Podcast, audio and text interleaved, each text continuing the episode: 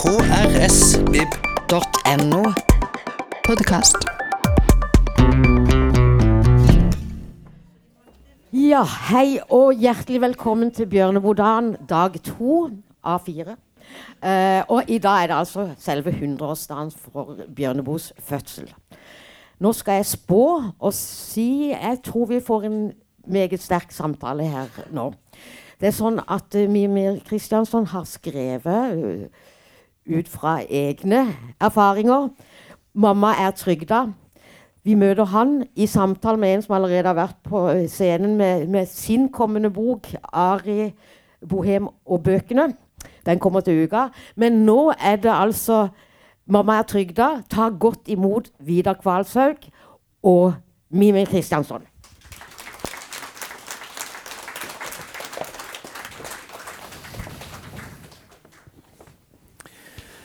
Så fint at salen er fylt midt på dagen når vi skal snakke om noe ordentlig viktig. For det skal vi, Mimir. Vi, skal, vi skal snakke om en gruppe som uh, man kanskje ikke snakker om på sånne scener. Nei, ne, altså Når jeg begynte å skrive den boka, så ble jeg jo helt sjokkert over at det nesten ikke er skrevet en eneste bok i Norge om trygda folk. Mm. Det er veldig spesielt. Mm. Det er så å si ikke en eneste god roman om uh, en trygda person. Tenk det. Tittelen din er 'Mamma er trygda'. Da jeg så den tittelen første gang, så fikk jeg litt sånn der Den slo meg litt i fleisen. Fordi det virka som en Som den satt litt inne. Ja, altså Hele bakgrunnen for boka det var at eh, Kagge Forlag, som har gitt ut den boka, de, de, ba meg om å, å skrive en bok om norsk white trash. Og hele planen min Hele planen min helt seriøst, Dette er helt seriøst. Planen min var veldig lenge faktisk å sitte på en pub i Flekkefjord i seks måneder og skrive om alle som kom innom. Og så sa jeg bare så Jeg orker ikke mer av dette. Det, det er sånn safari-greier. Liksom. Jeg orker ikke mer av det. Og så eh, begynte jeg liksom å gå nærmere inn på det der white trash-begrepet. Hva betyr det egentlig i Norge? Det er jo kanskje naverne er litt sånn, kanskje naverne er litt sånn. Og så sa jeg det. Kanskje jeg burde skrive en bok om navere, da. Ja, ja, kjempebra, liksom. Så, sånn. Men jeg kjenner ingen, jeg kjenner ingen som er Tryda. Så det går ikke. Og så hadde jeg slått det fra meg, og så går jeg og snakker med en kompis. da, tar en øl med en kompis, Så sier han har ikke mor di vært trygda i 15 år? så, jeg, så, så, svarer jeg jo, men hun er ikke trygda på den måten. Mm. Og da bare begynner du liksom å skjønne, da. Så, så for meg er det litt sånn løper på prekestolen og ropt ut, liksom. Mor mi er trygda, liksom. Mm. Og etter boka kom ut, det var ganske løye, skulle ta uh, hurtigbåt inn i Ryfylke, mor mi. Og så uh, Hun må jo få sånn honnørbillett, som det heter. Og så sier hun 'Jeg er trygda'. Og så sier hun dama som selger billetten 'Hysj, dette er honnør'. Ah. Det er ganske absurd, da. Ja. Men du, du fornekta nærmest, eller hadde du bare glemt at hun var trygda? Nei, jeg tror det er sånn som uh, man ofte tenker om utlendinger. Altså at akkurat han uh, afghaneren du tilfeldigvis har i din gate, han er jo veldig pliktoppfyllende og velarbeidende, og alt er helt topp med den familien. Mm. Men, men, men, utlendinger, det kan jo bli mye skummelt med. Mm. Og sånn er det med trygda òg. Liksom. Akkurat den trygda du kjenner, viser seg tilfeldigvis bare å være en uheldig person som har fått kreft. Men de andre trygda, de er vel alle sammen snyltere. Mm. Men hysj, honnør. Ja. uh, altså, du får, du får stadig, uh, stadig innspill fra, fra, samfunnet på hvordan det er å være trygda. Uh, hvor skammelig er det å si det? Nei, altså Eller skamfullt, egentlig. Det er skamfullt i den, uh, den forstand at det er bygd opp en enorm, enorm konstruksjon rundt det der at folk eh, er trygda fordi de er late. Eller fordi de har vondt i viljen, ville vi ha sagt var ja. Mm. Og for eksempel, bare senest i går så la regjeringspartiet unge, altså ungdomspartiet til regjeringspartiet Høyre, da, Unge Høyre, de la ut sånn bilder De vil kutte i sykelønna, idioter. Men, men, da la de ut et sånt bilde. da Og bilde av en som har sykefravær. Det er en med beina på bordet og Netflix. Sånn er sykefravær. Og Frp har jo sjøl hatt et sånt bilde hvordan vi stiller krav til unge på Nav. Det er som man går rundt og sier. Det kan man gå og rope i gatene. Vi stiller krav! Og hvordan er disse kravene? Jo, da illustrerer du det med en person fra Nav. Og hvordan ser en person fra Nav ut? Jo, da har de funnet et bilde av internett med en som ligger bakfull med burger, sølt burger og slips. Altså Altså som en som skulker. Ja, som skulker, ja. Ja, og det er det som er inntrykket, da. At, at uh, naverne, de såkalte naverne, de, de har man inntrykk av at er latere enn andre. Det er det som er stigmaet. Mm. Mye av livet ditt har gått med til å være sønn til eh, Marit Wilhelmsen, eh, som ikke er i hermetegn helseøkonomisk lønnsom. Du, var, du gikk i skolen da, da hun fikk eh, kreft første gang. Fortell litt om hvordan dette har, har stått i barndommen din. Altså, mor mi hadde jo kreft før jeg ble født òg, men hun har alltid hatt kreft. Men liksom, veldig alvorlig ble det ca. da hun var ti år. Da fikk hun brystkreft. Og så i et par år senere fikk hun skjelettkreft, og da begynte liksom ting å, å tetne seg til. da. Og eh, nesten hele min barndom har jo handla om liksom at mor mi skal dø. Altså, det er jo ikke noe annen måte å behandle det på. Og sykehuset i Stavanger er jo på en måte mitt eh, Utenom mitt eget hus er det sikkert det huset jeg har vært mest inni, nesten. Så, så på en måte eh, Veldig mye handler om det. Men så skjønner man jo etter hvert da, at uh, det er jo ikke så kjekt å bare overleve heller. og hun har jo overlevd, da, men hun er jo eh, hun er ikke i stand til å jobbe, uh, rett og slett. Det, det er vel den ærlige saken om det. Og, og dermed et slags sånn uh, En byrde for Norge, da. En menneske som når man holder disse nyttårstalene og ser med eldrebølgen, f.eks. Når man snakker om disse uh, trygdeeksplosjonen, så snakker man om henne. Eh, og det er jo uh, Ja, jeg vil jo helst at du ikke skal dø, da. Så, så på en måte For meg er jo det mindre behagelig. For hun sto i, i yrkeslivet ganske lenge. Hun hadde en jobb som, som ga henne mening, og som ga mening til andre. Hun var bl.a. Uh, norsklærer. Absolutt. Og mor mi, altså Mor mi Det hun sier, hun sier sånn Jeg orker ikke sånn menn som det ikke er tak i. Det, er ikke tak i han. Se på han der borte på andre siden av veien. Det er ikke tak i han. Så, så på en måte Jeg er uenig i at hun har dårlig arbeidsmoral. Det er ikke sant. Hun har jævlig god arbeidsmoral. Eh, men hun er alvorlig syk og uføretrygda. Og da jeg, jeg orker ikke at det skal sitte noen sånne 14-åringer i Bærum Unge Høyre og legge ut bilder av mor mi på nettet der de sier at de, hun koser seg med en burger. For sånn er det ikke. Nei, du skriver om dette, uh, at det er en, litt av en jobb, det å være trygda. Ja, Det er jo verre å være sjuk enn å være frisk. Altså, dette burde jo egentlig Det burde være åpenbart. Men mor mi, altså Herregud, så mye avtaler hun har. Hun blir jo helt galen. Hun må til legen hele tida. Og nå, Jeg vet ikke om dere fikk med dere det i går, da, men det er egenandel eller foregår var det vel, det er egenandelkortet. Egenandel kort 1, egenandel kort 2. Altså, faen, disse menneskene er eksperter. Altså, De kan jo så mye. De, altså, det er jo en heltidsjobb å være ufør. Du skal finne det ene det andre. Og kan, kan kommunen komme og levere en stang når jeg skal ut av dusjen? Kan de det? Du må ordne opp alt mulig sånn.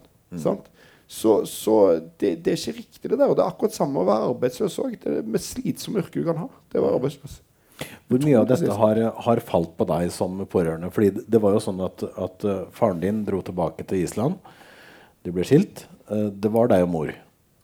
Ja, og jeg er jo enebarn òg. Det, det er jo Altså, jeg Altså, Jeg er veldig glad i mor mi, men jeg hater jo òg Hun ringer meg Hun ringer meg hver dag. Når, når vi er ferdig med den samtalen, har hun ringt meg. Det kan jeg love. Og, og uh, altså det, det, det er utrolig slitsomt, liksom. Og hun, hun kan ikke betale en regning i nettbank. Altså, og jeg, jeg må møte opp der fysisk og betale regningene. Og, og sånn er det, liksom. Og, og utrolig mye av livet liksom har kretsa rundt det. Men, men det, ja, det, det urettferdige for meg er jo det der at hun eh, at, at, at samfunnet på toppen av alt skal fortelle henne at hun er unyttig.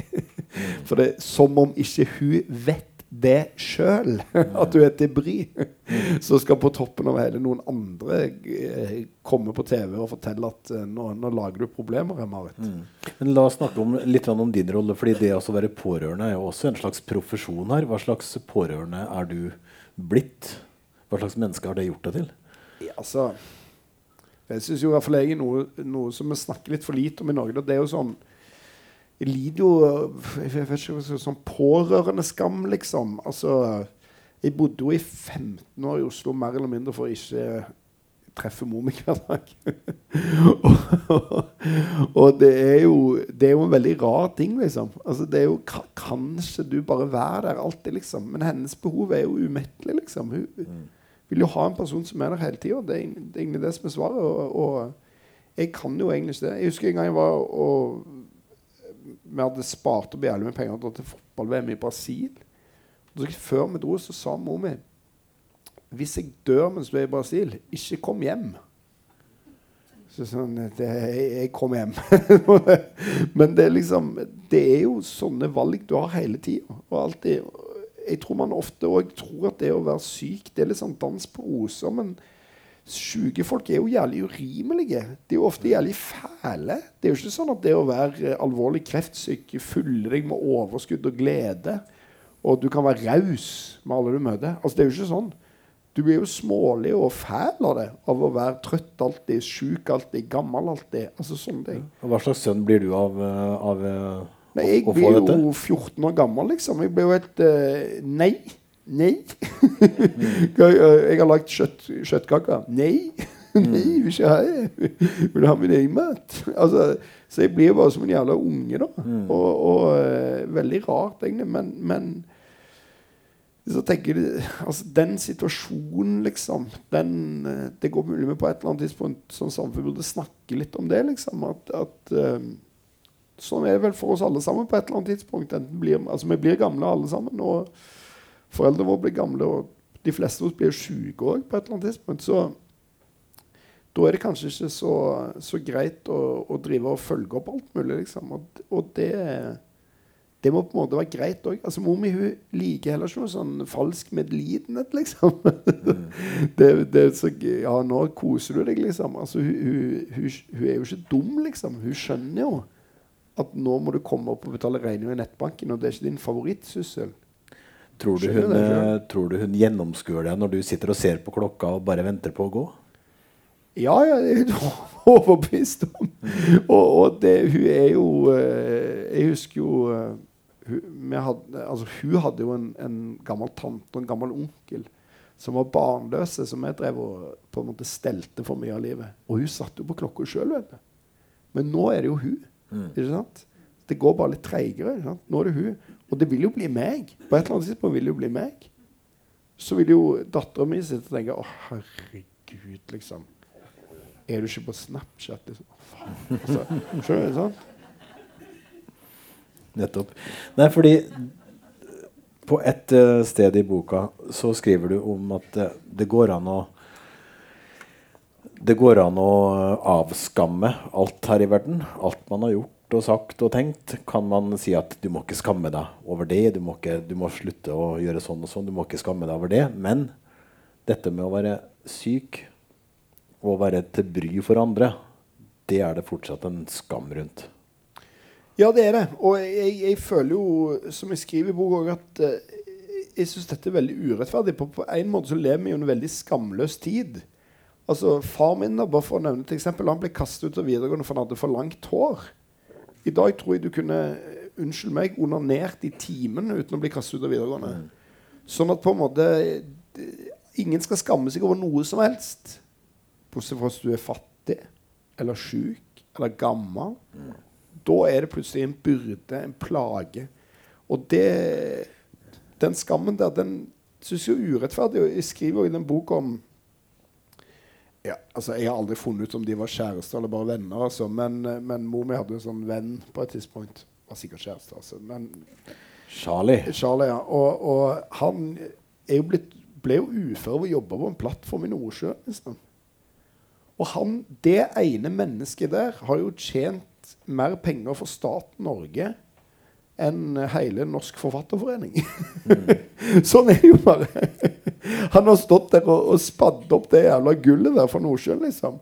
Og så har armene hans røket på et eller annet tidspunkt, for det har vært for mye med trykkluftbor. Så det røker for han. Og da er jo spørsmålet Skal vi som samfunn sitte Jeg som aldri noensinne har måttet gjøre den jobben i mitt liv, skal jeg sitte og si sånn Nei, du har lav arbeidsmoral.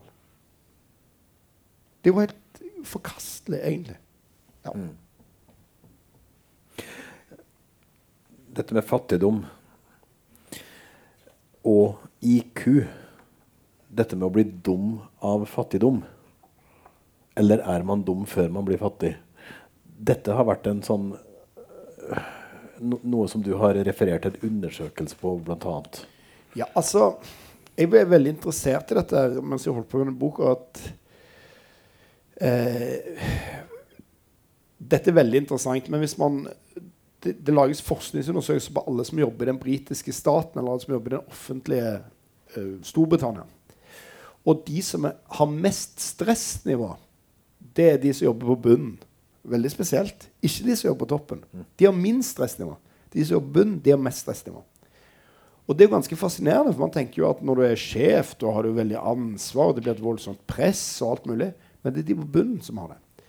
Og alt dette her opplegget, det, det liksom det spiser av gårde på hjernen din. Altså Mor mi hun har alltid problemer. Hun har alltid problemer. Det står faen meg aldri feil. Nå sist er det avtalegiro. Det står faen meg aldri feil. Jeg må ringe ba, altså boligbyggelaget Bate og betale den avtalegiroen. Jo, men jeg har jo lagt inn avtalegiro. Nei, det funker ikke. Altså, det er alltid et eller annet. Alarmen. Alarmen. 'Hallo, Mime, kan du komme og fikse alarmen?' Jeg prøver å skru på TV-en. Jeg får ikke til. Altså, det er alltid et eller annet. Og poenget er at du blir jo ikke jævlig lur av å gå rundt og tenke på alle de tingene hele tida. Sånn at jeg tror at folk som er Eller jeg tror ikke, jeg, jeg vet det. At folk som er stressa, folk som angster, folk som har problemer med å takle det livet til enhver tid sender de har problemer, de har mindre kapasitet til å eh, tenke over alt mulig annet i verden. Og på en måte høres dette veldig deprimerende ut, men på en annen måte så er det også ganske frigjørende. For det betyr jo at høy, Høyres versjon av dette er at folk er jo fattige fordi de er dumme. Men det kan jo hende det er omvendt. At hvis du er i nød hele livet ditt, så har du kanskje ikke muligheten alltid til å liksom være ovenpå det. Og alle kan jo gjenkjenne dette hos overklassefolk. Hvor, altså, det er ikke alle overklassefolk som er rause, men mange overklassefolk er jo jævlig rause. og det er jo fordi de har jo masse. Så det er jo ingenting. Mens de som er på bånn, det er ikke alltid så greit. for Mm. Lav inntekt og skuta lekker, så må du fly, og, fly ned i bånn og, og lappe på skuta. Ja, og lav inntekt er ikke bare det, men òg et sånt eh, Jeg beskriver jo den boka òg det jeg mener sånn klassefall. Nesten alle i Norge er jo på en oppadgående klassereise. Alle tror jo at neste år skal du få større TV og bedre bil. Men for mor mi går det bare nedover. År ut og år inn går det bare nedover. Og hun har ikke noe håp. Hun har ikke noe framtid. Hun har egentlig ingenting. Hun, har bare døden da, i enden av Ja, og liksom. hun var jo ute av arbeidslivet før hun var 50, ikke sant? Ja, ja. Og det er tidlig. Det er veldig tidlig. I en tid hvor alle skal stå så lenge de Ja, kan og, og redde denne Ja, og hun, sleit jo som faen for å forbli i arbeidslivet så lenge som mulig, men på et eller annet tidspunkt så, er, så, så klarer du ikke å stå opp om morgenen. Liksom, på den måten.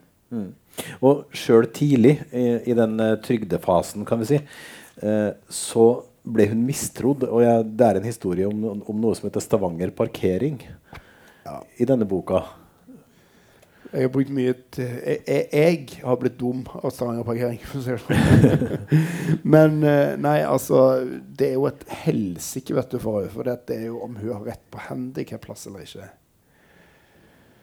Og det, ja, men altså, det er jo Hun har skjelettkreft. Altså, jeg Det er mulig at jeg bare er dum i hodet, altså, men jeg tenker sånn Hvis noen ringer og sier jeg har skjelettkreft, så tenker jeg du får handikapplass.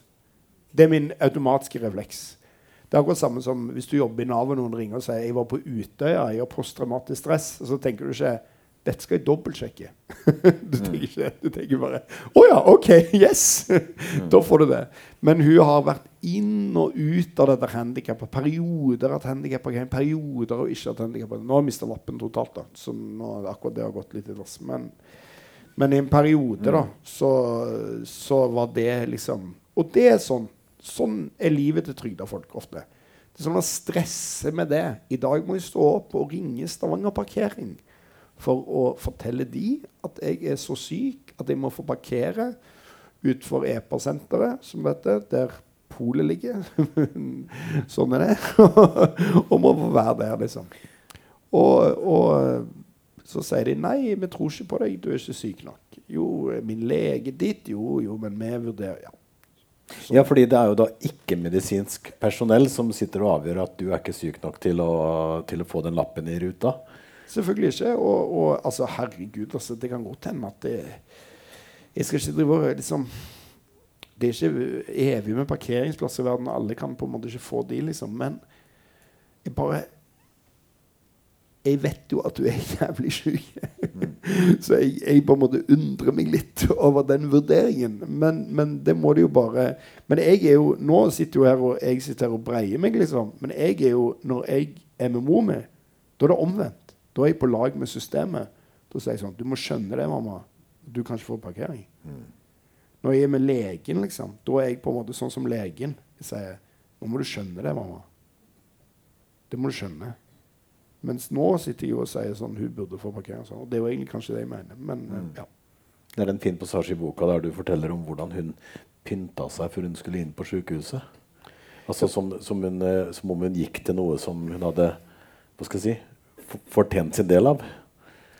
Ja, altså Jeg oppdaga det faktisk når jeg leste en uh, bok av Martha Gellhorn, som jo virkelig ikke fortjener å bli kalt dette, men som var den fjerde kona til Hemingway. hun skriver om New Deal og fattigdommen der. Og hun skriver at før, du, før de skulle gå og tigge, så pynta de seg alltid. Sminka seg alltid. Så rart. Så tenkte jeg akkurat det gjør mor mi når hun går på sykehuset. Akkurat det gjør hun. Hun bruker så jævlig med tid på å stæsje seg opp for å se bra ut for legen. Er ikke det rart? Du skal operere en svulst i hjernen. Ja. Han vet at du er syk, eller hun vet at du er syk. Men du må pynte deg. Så du skal du, se anstendig ut. Så du tenker på det som en del av en, av en tigging? Jeg leste det litt annerledes, nemlig. Nei, altså Det jeg eh, tenker på det som, er rett og slett bare at du får Og dette er jo forska på òg. Du får jo mer hjelp på norske sykehus om du framstår som du er en oppegående person. Mm. Altså Sånn er det bare. Og Hvis du ser ut som en dass, da, som jo mor mi altså, Vi gjør, sikkert alle ut som dasser når vi står opp, også, men, men hun, hun, ser jo trøtt og sliten ut liksom, ofte. Hvis du kommer sånn på et sykehus, så, så, så vil legene eh, gi deg mindre hjelp. Da. Altså det er, dette er helt beviselig at mennesker som framstår det de kaller legelignende, får mer hjelp på offentlig helsevesen enn mennesker som ikke framstår legelignende. Og da er jo mor mi sin logikk er nå sminke meg før jeg skal til legen. Mm. Og det er jo helt ko-ko. Så du blir vurdert ut fra hvor ressurssterk du er, hvor mye du kommer til å krangle, hvor mye du kommer til å vite om rettighetene dine osv. Absolutt. Ja. Absolutt. Og jeg kan bare fortelle en morsom historie om dette. For jeg husker jeg var med mor mi en gang. Hun, hun har en sånn godarta svulst. Det er så komisk at de kaller det gode arter, for det er jo så jævlig. vet du. Men det ligger rundt det der eh, hypofysene det, inni hjernen der. da. Så de må av og til sånn inn og skrape ut litt av den svulsten, for den vokser jo. Denne godarta-svulsten. Den kan trykke på liksom eh, øynesensitive ting, så kanskje hun blir blind, eller kanskje hun blir lam. eller, altså Ingen vet. Og så er vi oppe på Haukeland, da, og så er mor min da, Hun har selvfølgelig pynta seg. da, Jeg har flydd fra Oslo for å være med til, til den operasjonen, og du må inn til masse leger. Og så er min også en lege. da, Jævlig pen lege, for øvrig, men hun, er bare, hun ser ut som liksom verdens mest vellykka person. Og når vi sitter der inne, så klarer ikke mor mi å finne den lappen med medisinene hun går på. Og den har hun i vesken. Og så blir hun legen hun blir jævlig utålmodig. da.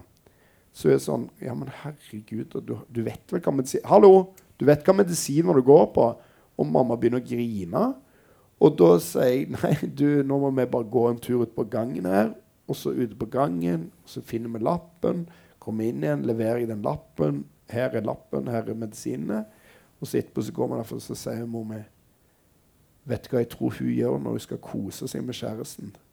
Jeg tror de trener. Og det er liksom eh, Det oppsummerer veldig mye av det møtet med helsevesenet.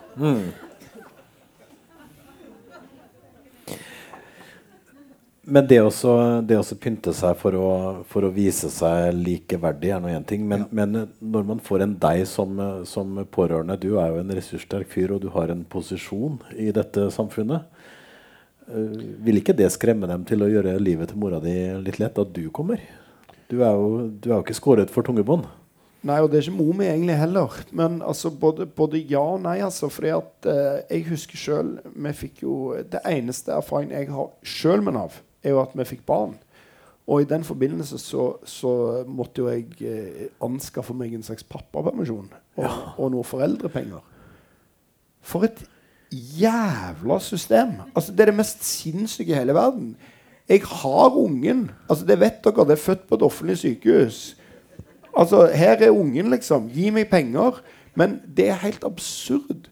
Og de er eksperter. De er eksperter i å få deg til å føle deg liten. Det er helt utrolig. Og når jeg til slutt fikk denne pappapermen For med pappa er det sånn at du må ikke søke for tidlig, men heller ikke for seint. Veldig komplisert. Så når dama akkurat når hun blir gravid, da vil den, normale pappa tenker jeg, gå inn og si nå må jeg få pappaperm når ungen blir født. Da vil de si det er for tidlig.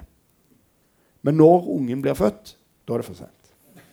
Så en gang imellom der må du finne ut av det. Og når du da får Når du får pappaperm, så får du et brev fra Nav, og da står det 'vedtak'. Det er faen ikke noe jævla vedtak. Jeg har rett på den permisjonen. Ingen har vedtatt noe som helst. Ingen har vedtatt at jeg har rett på pappaperm. Eller utenom Stortinget, da. De har vedtatt det. Men utenom det, ingen i Nav har bestemt det. Men det står det. Vedtak. Og hva slags skrifttype bruker de i Nav? Samme som Gestapo. Hva faen er det? En, en jævla skrivemaskin fra 1933? Altså, Kan du ikke bare skrive ut et brev i areal? I det minste være normale mennesker? Nei. Alt der er organisert sånn at du skal føle deg liten. Alt der er organisert sånn. Du kommer der av én grunn, og det er for å tigge. Og da får du, og da er de rause med deg. Politikerne sier det ofte òg. Det er helt forferdelig. Vi har så rause velferdsordninger. Det er faktisk noe raust. Vi betaler for alt sammen. Men språket, da? Ja, det er språk. Språket som eh, møter deg på disse sidene. Du skulle jo søke om noe av det enkleste. Det som de fleste gjør på Nav. Ja, og i tillegg, jeg, jeg kom jo til Nav med en gledeshistorie. Jeg har fått en datter. Ja. Sant? Det var jo jævla hyggelig. Jeg kom til Nav fordi jeg var glad. Det er jo ikke alle forunt. Sant? Man kommer jo ofte til Nav fordi man har det jævla dårlig. Og hvis man da i tillegg Og det sa han Charlie til meg. Han sa sånn, og så blir Nav enda en greie du skal mestre. Du skal være flink til det. Og det bare er så provoserende, for det sier at det, det forteller meg at de som trenger mest hjelp fra Nav, de får minst hjelp fra Nav. Og de som trenger minst hjelp fra Nav, de får mest hjelp fra Nav. Det er veldig urettferdig. Ja. Du skriver om noe som heter trygdesmitte. Et grusomt ord. Kan du forklare hva det er for noe? Og, og i så fall er du i faresonen for å bli smitta av trygd? Jeg, jeg, er kanskje ikke det, altså. Men, men trygdesmitte er sånn at hvis mange Det er en sånn teori, da. At hvis mange er trygda i en gate, så blir de andre trygda òg. Men det er jo bare ba basert på en idé om at trygd er noe du velger. Ikke sant? At det er noe du vil. At det er noe du sier. F folk flest er sånn at hvis de får muligheten til å være trygda, så sier de ja. Jeg tror det er helt omvendt. Jeg, jeg sier ikke at det ikke fins én og to og tre og fem og ti snyltere. Men jeg bare sier at 99% av befolkningen De sier nei takk til trygg og ja takk til arbeid. Hvis de har muligheten. Men hele systemet vårt er rigga omvendt. Det er rigga som om vi alle sammen skulle ønske å gå på trygd. Og det syns jeg er fascinerende. Og jeg tenkte på en ting når jeg skrev den boka, så kom jeg over et intervju med Einar Gerhardsen. Helt utrolig, egentlig. Eh, ligger på YouTube. Der han blir spurt hva er det største du har gjort eh, i din tid som statsminister. Så sier han vi har mangedobla trygdeutgiftene. det er jo helt komisk. Fordi Hvem faen slags politiker skulle sagt det i dag? Vet du hva? Vi har økt trygdeutgiftene. Yes, stem på meg! Det ville jo vært en katastrofe. Men Einar Gerhardsen han sier jo det bare helt ærlig. Vi har økt trygdeutgiftene. Det er det største jeg har gjort som statsminister. Hvorfor det? Jo, fordi pengene går til syke og gamle folk. og det er bra! Det er en god ting. Når folk sier sånn, politikere sier sånn Vi har verdens beste trygdeordninger.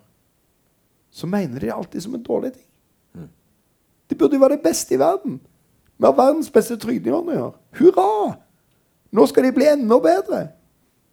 Men det er ikke sånn. Det er alltid sånn. Vi har verdens beste trygdeordninger. Det er et lite problem. Nå må de bli like dårlige som de er i Sverige. Og så må de i Sverige bli like dårlige som det er i Polen. Og så må de i Polen bli like dårlige som det er i Bangladesh. Og da kanskje er vi på, på gang.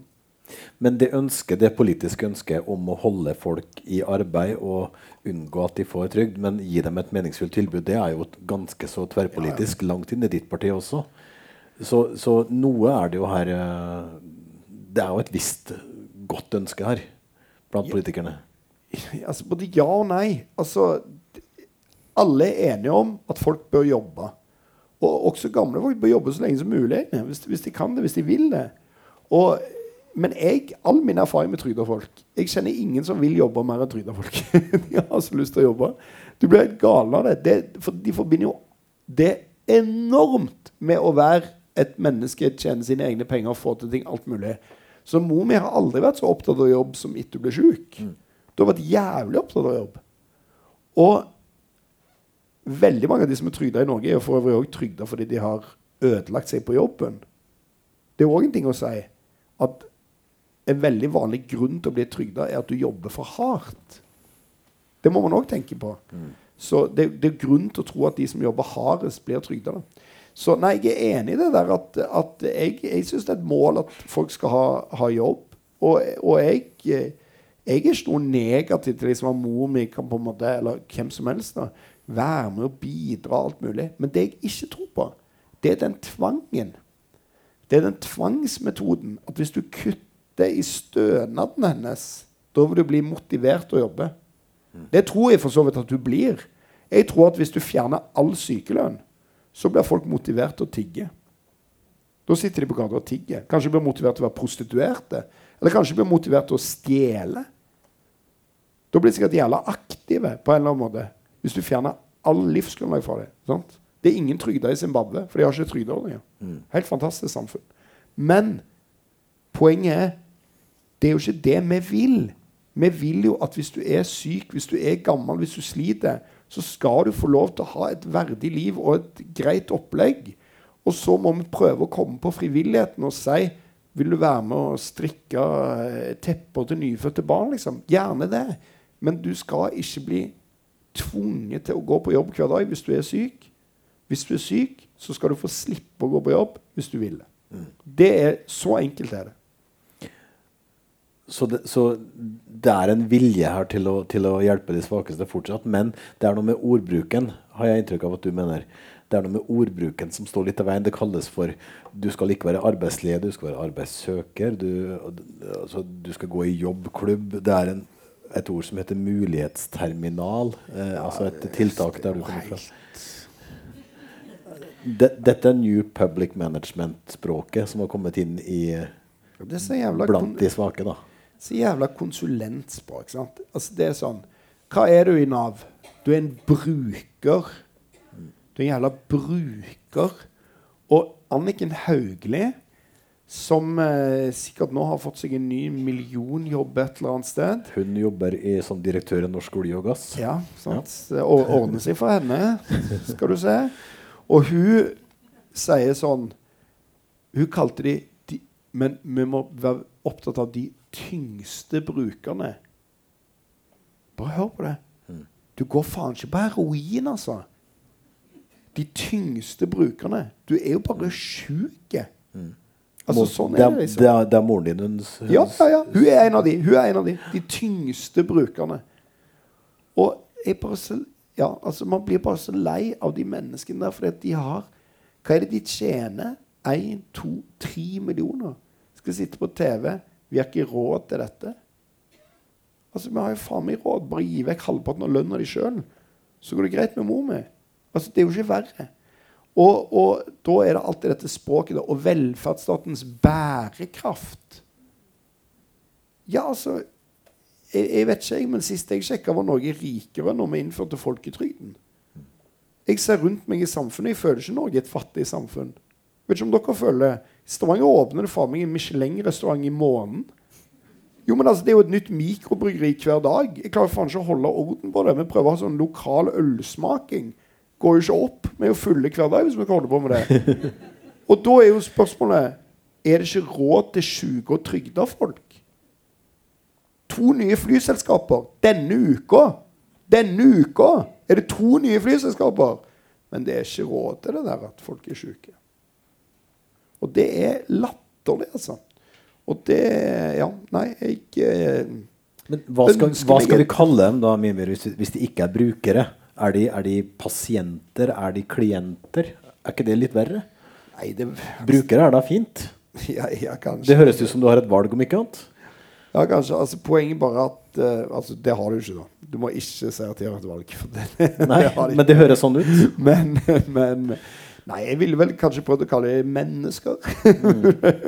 kalle dem borgere. Kalle kalle dem personer. Kalle dem velgere. Altså, Kall det hva du vil, liksom. Men det er bare eh, Hele systemet rigga gjennom den mistillitsmåten. Det er det som er problemet. Og den Nav-skandalen det er det aller beste eksempelet på det. Det er jo selvfølgelig mistillit på speed på en måte, men det er jo akkurat det. Det er jo at du har så mye mistillit at du er villig til å fengsle folk uten lov og dom bare for å sørge at ingen snylter på trygda. Og jeg syns det er helt utrolig, fordi at eh, vi har fått sånn retaksering av eiendomsskatten i Stavanger. Huset vårt. Så spør de meg hvor stort er huset ditt. Så svarer jeg på det. Helt tillitsbasert. De har tillit til meg. Jeg er huseier.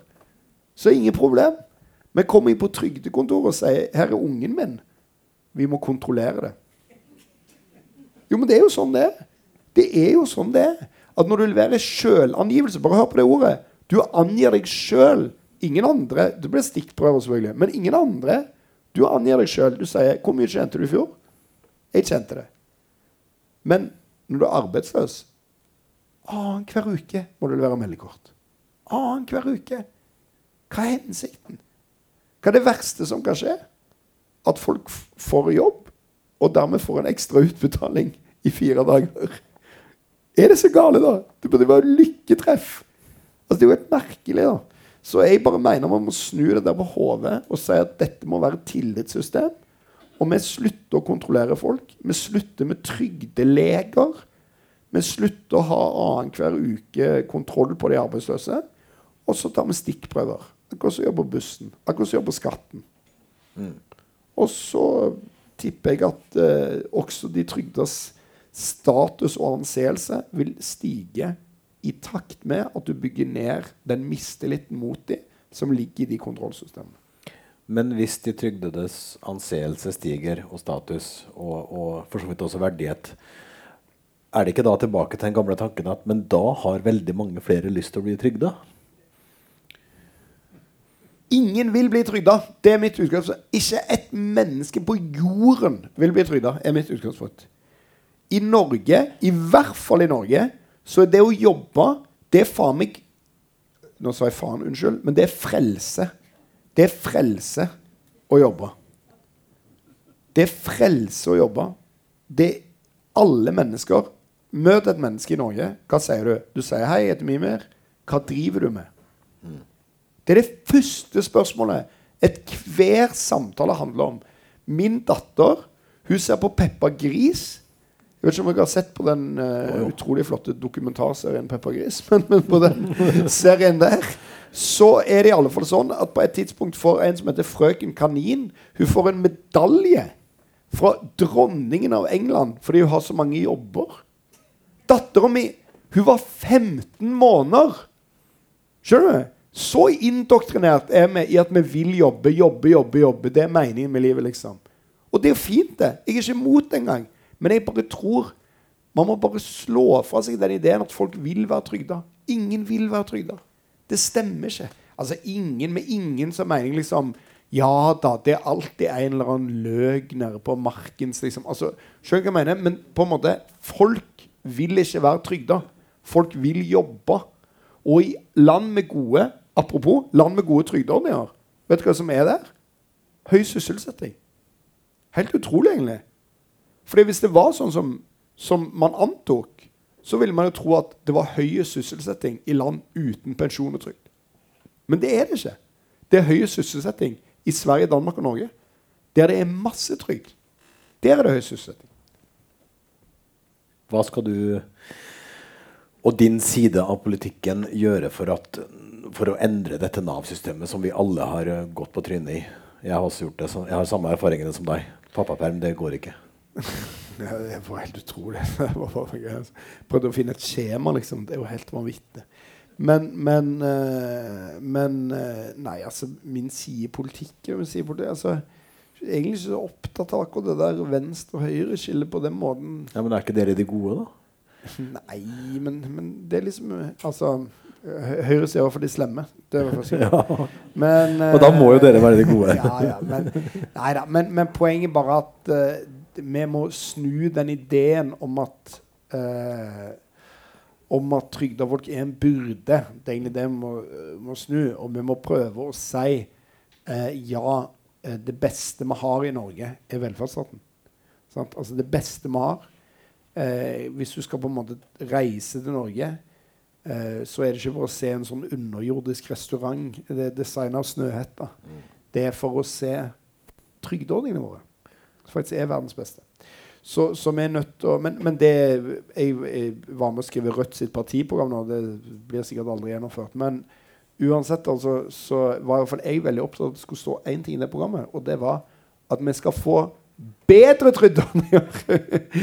Fordi at alle bare skriver om de trygdeordningene som er et problem.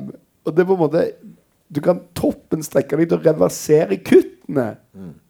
Men jeg mener omvendt. Jeg mener Vår ambisjon må jo være at om 10 eller 15 eller 20 år så skal det være bedre å gå på trygd. Som Einar Gerhardsen, du skal ha økt utgiftene. Selvfølgelig. Ja. Hvorfor ikke? Etter 15 år Mimir, i Oslo, du, så måtte du forlate byen med de merkene man får av den byen, og dra tilbake til Stavanger. Ja. Hvordan har livet ditt blitt eh, nå som du har kommet nærmere moren? Ja, det er jo slitsomt. Nei da, det, det er hyggelig, det. Altså, jeg, jeg ser jo henne så å si hver dag. Men, men det har jo skjedd en annen ting òg i vårt liv, nemlig at jeg har fått en datter, og dermed har jo interessen for meg sunket veldig kraftig hos min mor. Så hun er en lynavleder. Så nå har hun noen andre å leve gjennom. da Og jeg, jeg vil jo si at eh, Altså Man burde jo skrive ut barnebarn på blå resept til folk, liksom. Altså, det er jo eh, Det er jo eh, Mor mi har aldri vært så frisk eh, som etter den ungen kom og kom hjem.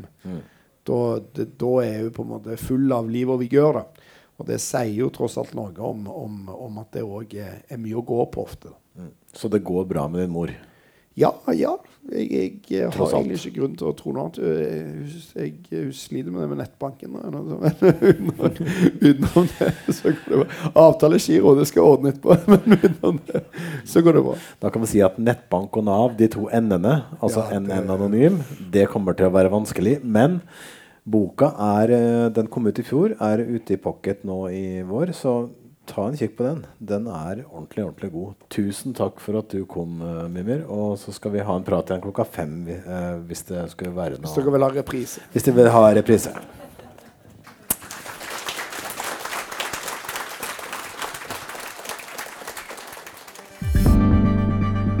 Flere podkaster fra oss finner du på Google Podkast, Apple Podcast eller iTunes, eller ved å stikke innom vår hjemmeside på krsbib.no.